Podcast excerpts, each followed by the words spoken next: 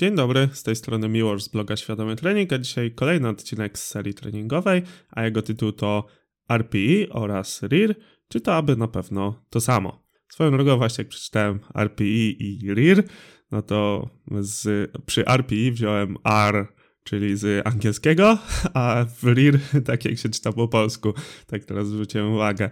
No to dobrze, to jeszcze raz. Jego tytuł to RPE oraz RIR, czy to aby na pewno to samo. No i może jeszcze słowem wstępu powiem w ogóle skąd taki odcinek na podcast.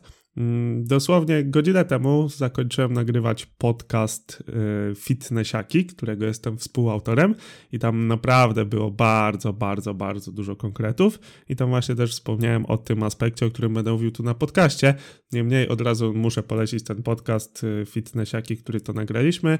To będzie odcinek 28, który ukaże się jutro. Nagrywam to 23 kwietnia, więc jak ten podcast już się ukaże, to ten podcast z fitnessiaków, który nagrałem z Kułą i Kacprem już na pewno od dłuższego czasu będzie. Oczywiście linka zostawię w bio, ale jeżeli chcielibyście sobie posłuchać, to tam naprawdę jest sporo, sporo mięcha, sporo treningowych tipów, sporo też metod treningowych, które są naprawdę skuteczne, a które to niektóre z nich jeszcze na tym podcaście nie wystąpiły. Także zdecydowanie polecam, naprawdę dużo treści tam było od całej naszej trójki, także jeszcze raz, po raz siódmy, ósmy, dziesiąty.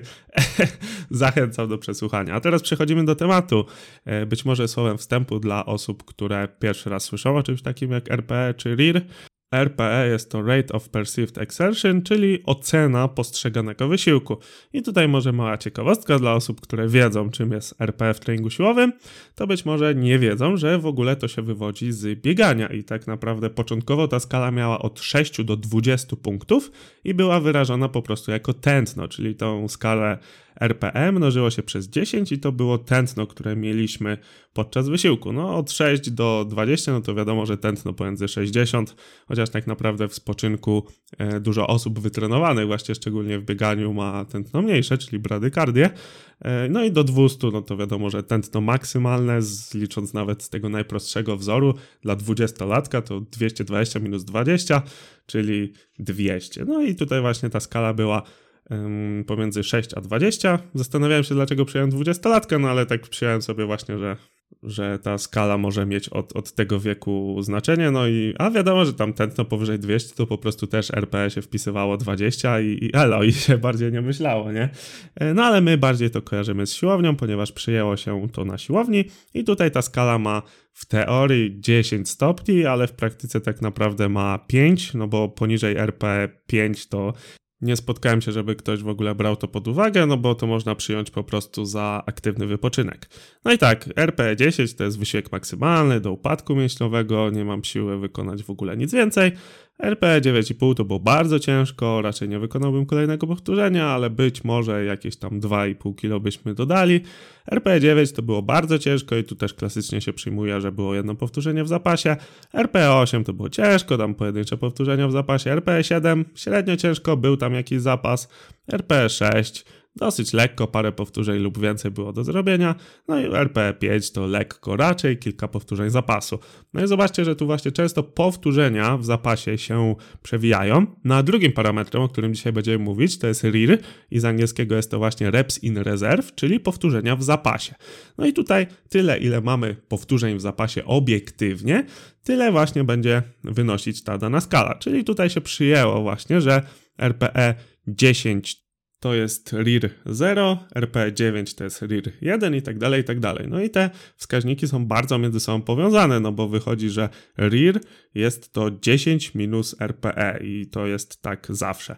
No i teraz trochę kontrowersyjny być może temat, bo moim zdaniem jest to troszkę uproszczenie i można korzystać z tych wskaźników niezależnie od siebie. Mówię, że to jest kontrowersyjne, no bo tak się utarło i w ogóle nigdy nie słyszałem, żeby ktoś mówił to, co ja dzisiaj powiem w tym podcaście, także zdaję sobie sprawę, że dużo osób może się ze mną nie zgadzać i że te właściwie wskaźniki oznaczają tak naprawdę to samo i powinniśmy korzystać albo z jednego, albo z drugiego, a nie z obu, a ja chcę ci powiedzieć właśnie, że teoretycznie można by było je trochę rozdzielić, i w ogóle inaczej na nie spostrzegać. No bo tak, RIR, jak już sobie powiedzieliśmy, jest to obiektywna metoda oceniająca, ile powtórzeń mamy w zapasie. Wiadomo, że obiektywizm zależy od doświadczenia, wprawionego oka. Musimy rzeczywiście dobrze ocenić, ile tych powtórzeń w zapasie było, no ale ona jest tak z zasady obiektywna. Z kolei RPE, czyli ocena postrzeganego wysiłku, w tej pierwotnej wersji, czyli kiedy mierzyło się tętno, no też była obiektywna, ale w tej wersji siłownianej jest to właśnie subiektywna ocena tego, jak było ciężko. I teraz mogą być takie sytuacje, kiedy ćwiczący naprawdę bardzo dużo wysiłku dał w dany ruch, albo wykonywał ćwiczenie, którego bardzo nie lubi i bardzo dla niego obciążające psychicznie było wykonanie tego ruchu, i dla niego ocena postrzeganego wysiłku była bardzo wysoka, ale kiedy obiektywnie na to spojrzeć, to się okazuje, że on tam miał na przykład trzy powtórzenia w zapasie. Czyli jeżeli by miał, jak to się mówi, pistolet przyłożony do głowy, to jeszcze te trzy powtórzenia by wykonał. No i w takim wypadku, no RP byłoby na przykład 9,5 czy też 9, a RIR byłoby 3. I ja osobiście nie widzę w tym nic dziwnego i moim zdaniem może być to fajny sposób na na programowanie treningu również, ale też na właśnie ocenę, raportowanie o, od podopiecznego obciążeń treningowych. Także wydaje mi się, że to, to może być pewien sposób. Tak jak mówię, nie spotkałem się, żeby ktoś to wykorzystywał, żeby ktoś z tego e, korzystał i żeby w ogóle ktoś o tym mówił też nie. Dlatego jeszcze raz powiem, że jeżeli się ze mną nie zgadzasz, masz inne zdanie, to nie mam z tym problemu.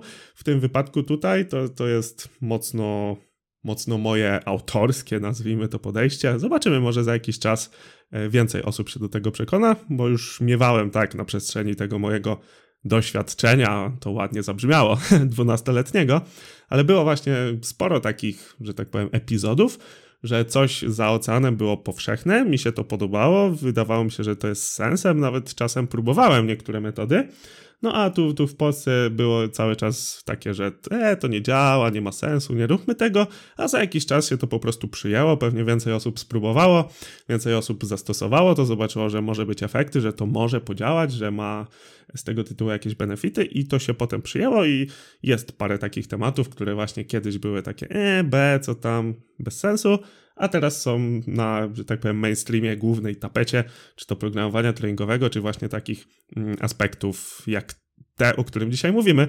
Dlatego jestem ciekawy właśnie, czy za parę lat być może będzie bardziej popularne rozdzielenie tych dwóch e, wskaźników na właśnie dwa osobne, czyli że mamy powtórzenia w zapasie obiektywnie, czyli wiemy ile było powtórzeń w zapasie oraz subiektywną przez ćwiczącego ocenę danego wysiłku, bo ta może być różna. Czasem bywa odwrotnie, nie tylko, że jest bardzo ciężka, robimy, mamy dużo powtórzeń w zapasie, ale też czasem bywa tak, że na przykład no w wyciskaniu często to widać, nie? że ledwo, ledwo ktoś zrobił ostatnie powtórzenie, a dla niego to RPE było niskie. To znaczy, to w kontekście RIR było zero, czyli on nie jest w stanie wykonać kolejnego powtórzenia. No ale jeszcze przed rozpoczęciem tego ostatniego powtórzenia, on lubi wyciskać, chciałby jeszcze spróbować, i to dla niego tak obciążające nie było. A z kolei na przykład ta sama osoba nie, nienawidzi w ogóle robić martwych ciągów czy frontów. Na przykład fronty to są idealny przykład w tę drugą stronę, że tak naprawdę robicie fronty, w ogóle umieracie pod tą sztangą. Wydaje wam się, że ledwo ten ruch poszedł, że następne powtórzenie to było załamanie na 100%, a potem patrzycie film i, i widzicie, że, że tam było co najmniej trzy powtórzenia w zapasie, a ten ostatni ruch tylko zwolnił tam leciutko i rzeczywiście jeszcze spokojnie byśmy mogli się pomęczyć. Nie, na pewno kojarzycie tę sytuację, jak trochę dłużej trenujecie. Więc no, taka zajawka ode mnie, że tutaj można by na to spojrzeć z dwóch perspektyw, że to mogą być e, różnie postrzegane parametry, że być może można dodać je do kontroli planu treningowego, z tym, że tutaj też chciałbym powiedzieć jeszcze, że jeżeli chcemy to dodać do planu treningowego dla kogoś, kogo trenujemy, to fajnie by było go najpierw wyedukować w tym temacie, no bo nie każdy musi wiedzieć o co nam chodzi. Jak mu damy do wypełnienia dwie kolumny RPE oraz Reps in Reserve, no to być może nie będzie wiadomo o co chodzi i będzie rzeczywiście wpisywane zawsze jak tu jest 1, to tu jest 9, jak tu jest 8, to tu jest 2 i tak dalej, i tak dalej. Ale możemy też do tego inaczej podejść, czyli powiedzieć właśnie, że tutaj jest subiektywna ocena wysiłku i dać tylko RPE do wypełnienia, ale poprosić też filmik i sobie obiektywnie ocenić, jak to wyglądało w kontekście powtórzeń w zapasie. No i jeszcze zanim zakończenie, to słówko o sponsorze tego odcinka, którym jest mój kurs rozpisywanie planów treningowych. Znajdziesz tam ponad 14 godzin na tę chwilę, ponieważ prawdopodobnie jeszcze coś tam będę dogrywał, jak mi, um, jak mi dacie znać, że czegoś tam brakuje, że chcielibyście, żebym poruszył jakiś temat, to całe szczęście mogę tam dogrywać, także zdecydowanie ten kurs będzie puchnął. Coraz bardziej, coraz więcej merytoryki tam będzie i naprawdę jest ogrom konkretów.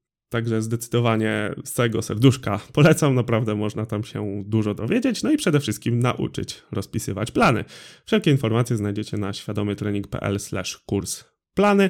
I to wszystko, co dzisiaj dla Ciebie miałem. Przypominam, że na Spotify i na iTunes jest możliwość oceny podcastu, także jeżeli podobają Ci się moje podcasty, to wystaw mi jedyną słuszną ocenkę, czyli piąteczkę oczywiście. I na koniec klasycznie zachęcam Cię do podzielenia się tym odcinkiem z innymi, a jeżeli cenisz to, co robię, do postawienia mi wirtualnej kawy. Możesz to zrobić pod adresem świadomytrening.pl kawa. Jeżeli masz do mnie jakiekolwiek pytania, to napisz do mnie na Instagramie albo pod adres kontakt mapa świadomytrening.pl. Wszystkie adresy oczywiście bez polskich znaków. Mówił mi już Szkudlarek i słyszymy się w następnym podcaście. Dziękuję.